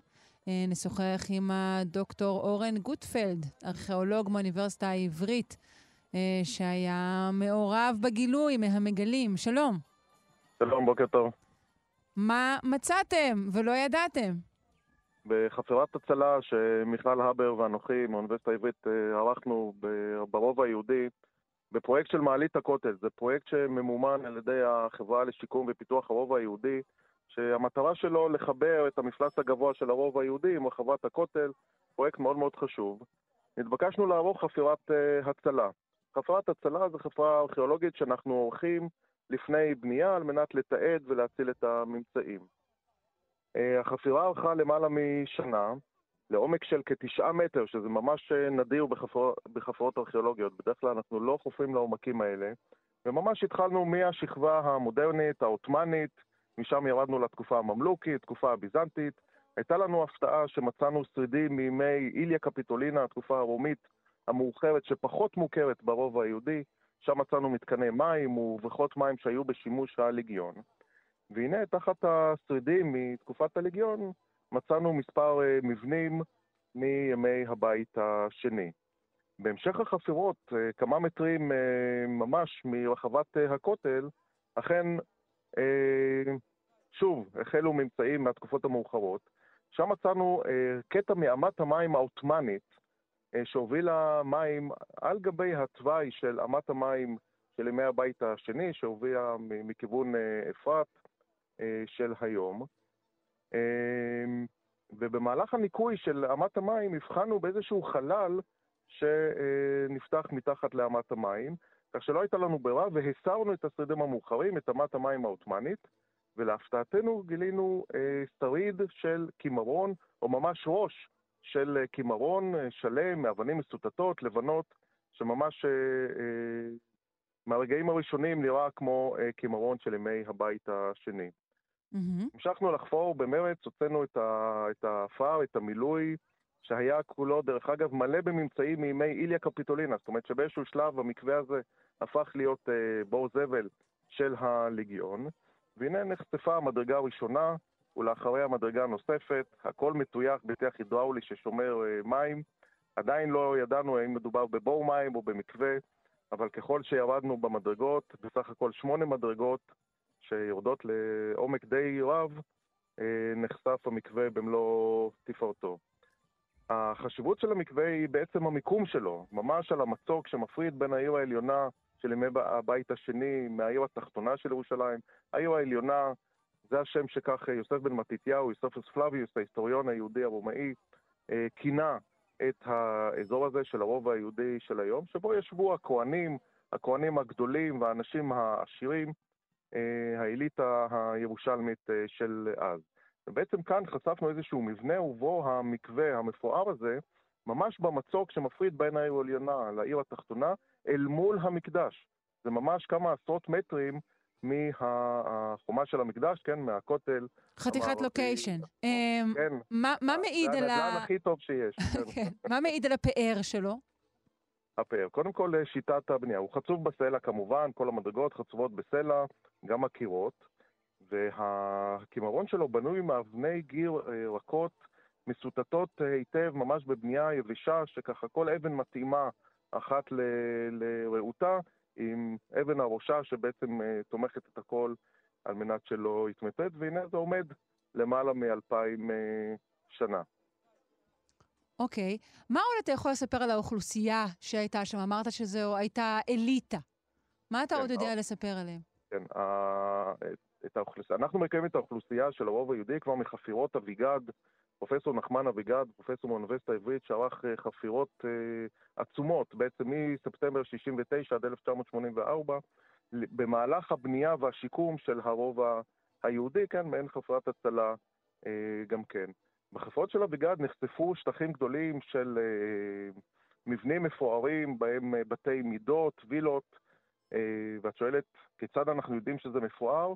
ובכן, על פי התרבות החומרית שנמצאו בחפירות. דהיינו, הן הכלים, כלי היומיום שהשתמשו בהם, אם זה כלי טבע סיגילטה, כלים שיובאו אה, מחו"ל, כלים ממש עשויים אה, ברמה מאוד מאוד גבוהה ושלא יוצרו אה, כאן אה, בארץ. דרך כלי זכוכית אה, מיוחדים. כלי זכוכית אחד אפילו עם חתימה של האומן, עניון, שהוא כלי אה, שזה נדיר ביותר אה, למצוא. אה, זה מבחינת הממצא הקטן. מבחינת הארכיטקטורה, הווילות עצמם מרוצפות בפסיפסים, מאותרים ב, ב, אה, בדגמים גיאומטריים וצמחיים, לא פיגורטיביים חלילה, כן? כיוון mm-hmm. שבימי בית שני לא נהגו לשמור על הדיבר השני שלא תעשה לך כל פצל ומסכה, okay. כן. אבל אה, דגמים גיאומטריים, צמחיים וכדומה. הקירות היו מאותרים בפרסקאות, בציורי קיר, בדגמים שונים. הדקרות היו מאותרים בסטוקו, כן, מעין עיטורי טיח של, אה, עיטורי גבס של אה, ימינו, כן, סטוקו זה עיטור אה, בטיח, וככה זה נותן את הפאר mm-hmm. וכמובן מעיד על התושבים עצמם. הקרבה... מעבר לכך, כן, סליחה. Mm-hmm. מעבר לכך, בחפירה שאני ערכתי לפני מספר שנים בבית כנסת תפארת ישראל, שהולך ונבנה בימים אלה, מצאתי משקולת, משקולת אה, אבן מימי בית שני, משקולת אבן עגולה, ועליה שתי שורות נדברי קטרוס, השם של אחד מהכהנים הגדולים ששירתו במקדש, ותפקידו דרך אגב היה גם, הוא היה אחראי על המידות והמשקולות, לכן זה נהדר למצוא משקולת עם השם של האגורנומוי, האיש שאחראי על המידות והמשקולות. אה, שוב, מחזיר אותנו ומעיד בכתב, בממצא, מי היו התושבים של אותו אזור. כן, זהו, אני צריכה לשאול אותך אה, על ההשפעה הפוליטית אה, שיש אה, על, על, ה, על החפירות והממצאים, ועל השפעה שלהם על המציאות חזרה. אני ארכיאולוג, אני עוסק בארכיאולוגיה, לא בפוליטיקה. נכון, אבל אני... אתה, אתה מציין, אבל חזור וציין את, ה, את, ה, את, ה, את העדות של הממצאים, אז לכן אני שואלת. כן, העדות של הממצאים, כיוון שאנחנו מדברים על עקבי מימי הבית השני. פתחתי ואמרתי שאנחנו התחלנו בחפירה מהתקופות המאוחרות, מהתקופה העות'מאנית, מהתקופה הממלוכית, אה, האסלאמית הקדומה והביזנטית. אנחנו לא, אני באופן אישי, אני לא מייחס, אה, לא נכנס לנושא הפוליטי. ההיסטוריה של ארץ ישראל משולבת בעמים רבים, בדתות שונות, בתקופות שונות, ונושא השיחה שלנו היום הוא מהבית השני, לכן... ללא ספק. אה, אני רוצה לשאול אותך שאלה נוספת. ציינת את הקרבה של המקווה את, הלוקיישן המצוין שלו. ייתכן שמשפחה של כהנים הייתה זו ש... כן? בהחלט. אני, אני, אנחנו, מיכל ואני, החופרת, אנחנו מאמינים, אה, חושבים שגרה שם משפחה של אה, כהנים כחלק, או משפחה צדוקית, משפחה מהעשירון העליון, אה, מהאליטה הירושלמית, שכן רק הם יכלו להרשות לעצמם וילות מפוארות שכאלה, ולגור באזור הזה. זה הנדל"ן הטוב ביותר, מול בית המקדש. רק תחשבי, איך אמרת, להשתכשך מול ה... מול בית המקדש. כן, כאילו למי שאוהב דברים כאלה, אנשים אחרים אולי העדיפו נוף, אני לא יודעת. כן, נכון. אנחנו רואים, אה, מבחינה ארכיאולוגית, אנחנו רואים הבדל מאוד גדול בין בתי המגורים של העיר העליונה לבתי המגורים של העיר התחתונה. העיר התחתונה, כן, מאזור עיר דוד ומטה, הם בתי מגורים הרבה יותר פשוטים, ללא הפרסקאות, ללא הפסיפסים, ומן הסתם זה מעיד גם על התושבים שחיו בבתים האלה. שהמשמשים הקרובים בדת, הכהנים, אה, גם ניהלו חיים עמידים הרבה יותר. מן הסתם. דוקטור אורן גוטפלד, אני מודה לך מאוד, ארכיאולוג באוניברסיטה העברית, עם הממצא המעניין הזה. תודה. תודה, בשמחה רבה. להתראות.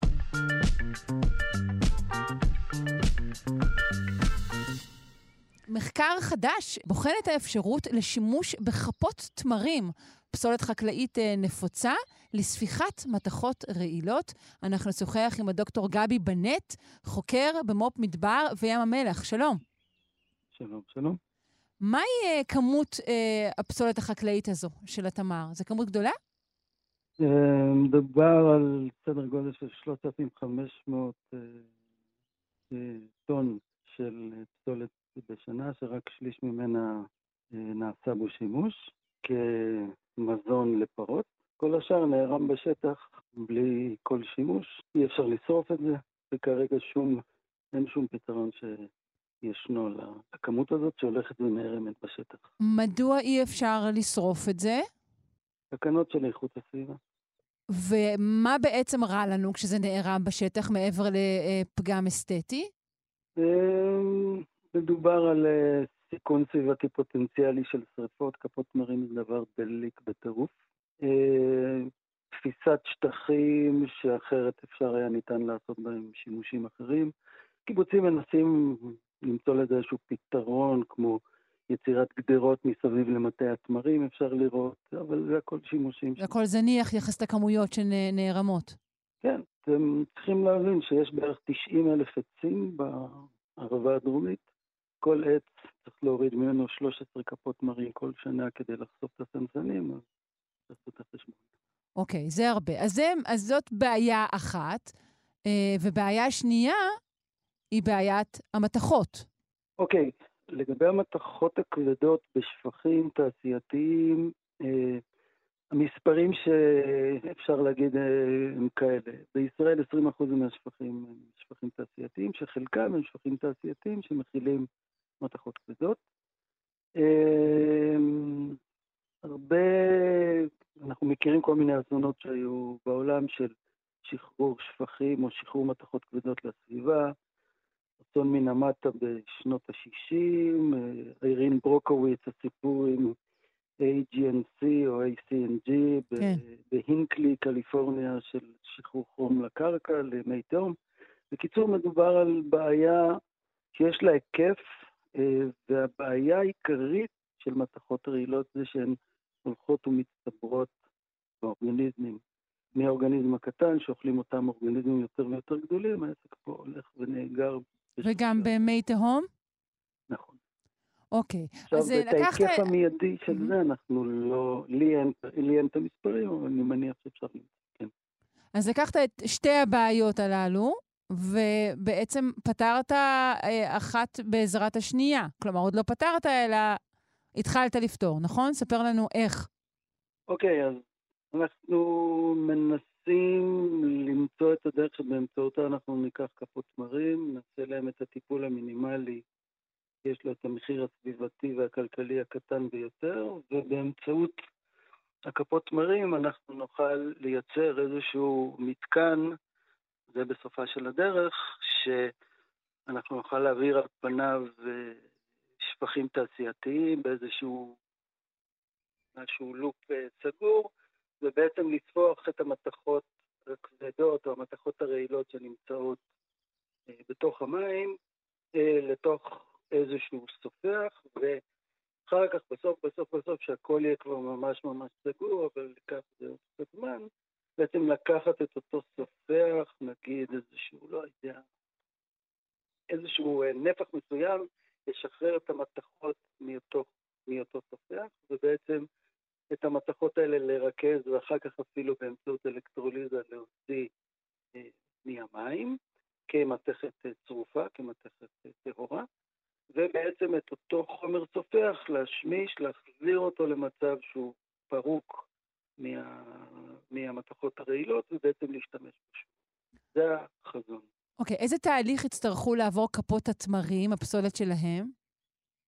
טוב, כאן אנחנו רוצים בעצם להגיע למצב, וכנראה זה, זה לא החלום שחשבנו, אה, אה, לעשות שימוש אך ורק בכפות תמרים, שטחנו אותם וסיננו אותם לגודל גרגר יחסית קטן, ולהשתמש בזה בלבד כחומר סופח, אז כאן אה, כנראה שאנחנו עוד לא שם, אנחנו כן כנראה נצטרך לעשות איזשהו עיבוד כימי לביומאסה של התמרים, שכמו שכולם יודעים, מכילה ליגנין, צלולוז והמיצלולוז, שזה בעיקר החומרים שנמצאים שם אה, בכפות התמרים, ובעצם לעשות איזשהו עיבוד אה, כימי, אה, שהוא יכול להיות כל... יש הרבה מאוד סוגים של עיבודים כימיים שבעצם מוסיפים קבוצות פונקציונליות, שזה בעצם, תקראו לזה ווים כאלה קטנים, שאליהם האיונים של המתכות הרעילות שנמצאים בתוך המים נקשרים, ואז בעצם ככה אתה מוציא את האיונים הרעילים של המתכות הרעילות מהמים. זה דומה באיזשהו אופן לסינון של אה, פחם פעיל, שאנחנו מכירים אולי יותר? אפשר לראות את זה, שנגיד אתה מעביר על פחם פעיל באמת כל מיני נוזלים וגם, וגם גזים, אז כן, מולקולות כאלה ואחרות נצמדים לפחם הפעיל. ימינה-שמאלה, כן? אבל כאן אנחנו מדברים על שימוש בחומרים אורגניים, שברובם אנחנו בעצם רוצים שזה יהיה פסולת, דברים שאנחנו בעצם לא צריכים ואין לנו כל כך מה לעשות. כלומר, כי, כי יש כבר אה, דרכים, נכון? יש פולימרים שכבר אה, יש. עושים אה, כזה, יש. אבל אתה בעצם מציע לעבוד עם, עם חומר קיים שהוא בעיה בפני נכון. עצמו. זה החידוש המרכזי. תכנון הכלכלה המעגלית. כלכלה מעגלית, בוא תן לנו כמה מילים על זה. שה... נגיד הפסולת של אחד היא האוצר של השני, וחוזר חיים. אוקיי. זאת אומרת שאם יש לנו כבר, הפסולת כבר קיימת, עדיף לעשות בה את השימוש מאשר ליצור דברים חדשים. והחשיבה היא שמלבד הרווח הסביבתי, יש פה גם רווח כלכלי לענף התמרים, שבעצם משהו שהוא by-product בעצם של המערכת הזאת, בעצם יכול לשמש ולהיות מקור הכנסה. Mm-hmm. אני חייבת לשאול, איך הגעת אה, בכלל לרעיון אה, של השימוש בכפות תמרים אה, לדבר הזה, לניקוי המתכות? רואים את זה כל יום. מה זאת אומרת? אני נוסע ורואה את זה. אני, אני גר ביהל. אוקיי. אני עובד ביוטבתה. אה. מטעי התמרים בערבה הדרומית פרוסים מיהל ועד אילת. Mm-hmm. ו- ולאן שאתה לא נוסע, אתה, זה ממש מדהים איך בשנים האחרונות הערימות האלה הולכות וגדלות. וזהו, עד לפני תקופה מסוימת עוד אפשר היה לשרוף, אבל האיסור לזה הגיע לדעתי מעל עשר שנים. כן, כן. זה כזה הולך וגדל. כלומר, נסעת. ראית את המפגע, וניצלת או השתמשת בידע שיש לך לגבי ההרכב של כפות התמרים, ואמרת, היי, אפשר לעשות כאן אחד ועוד אחד. פחות או יותר כך, כן? נכון. טוב, יפה מאוד. אה, כמה אה, אתה רחוק מ- מ- משימוש ת- תעשייתי אה, של הפיתוח הזה? יש עוד עבודה. יש עוד עבודה. יש, אה, יש פה פוטנציאל, אני- יכול להיות שהוא דומה עבור כמעט כל הפסולות החקלאיות, אה, אוקיי. אבל אה, אני אומר, יש פה פוטנציאל, אם את אומרת כמה, מדובר בשנים, כי קטע הראשוני זה הוכחות ההיתכנות, הוכחת ההיתכנות הראשונית. אחר כך להתחיל להפוך את זה למוצר, אז כאן גם יש לא מעט עבודה, אבל זה דברים שפחות או יותר אנחנו יודעים באיזה כיוון להתקדם, יש את ה vision, אז לענות, לעשות סיכום, אז זה כמה שנים, לא רוצה להגיד טובות, אבל מדובר פה ב...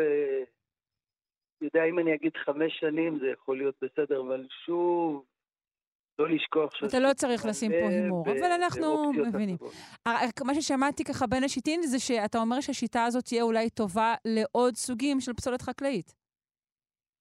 אחד, אבל כרגע אני אומר, הבעיה האקוטית שלנו היא התמרים, מה שכן כן. אה, נאמר גם בין השיטים זה שאולי לא רק מתכות רעילות, יש גם הרבה מאוד שפכים שעשירים בכל מיני תרכובות אורגניות, Mm. גם מאוד לא סימפטיות אם הן משתחררות לסביבה, ו- וכאן יכול להיות בדרך כלל אה, מי שבודק את יכולות הספיחה, בודק גם עבור כל מיני תרכובות אה, אורגניות לא כל כך אה, נחמדות. אבל שוב, זה הכל קדימה. יפה, מעניין מאוד, אה, ונאחל לך הרבה בהצלחה. אה, תודה רבה לך, דוקטור גבי בנט, חוקר במו"פ, מדבר וים המלח. תודה רבה. תודה רבה גם לכם. ביי.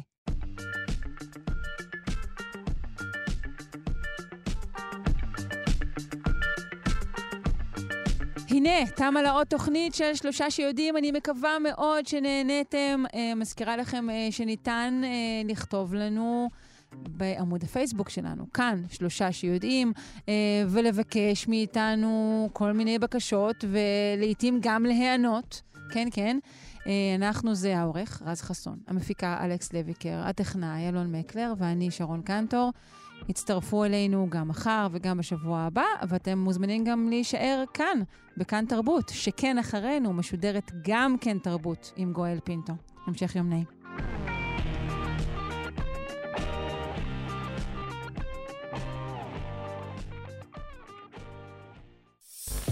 אתם מאזינים לכאן הסכתים, הפודקאסטים של תאגיד השידור הישראלי.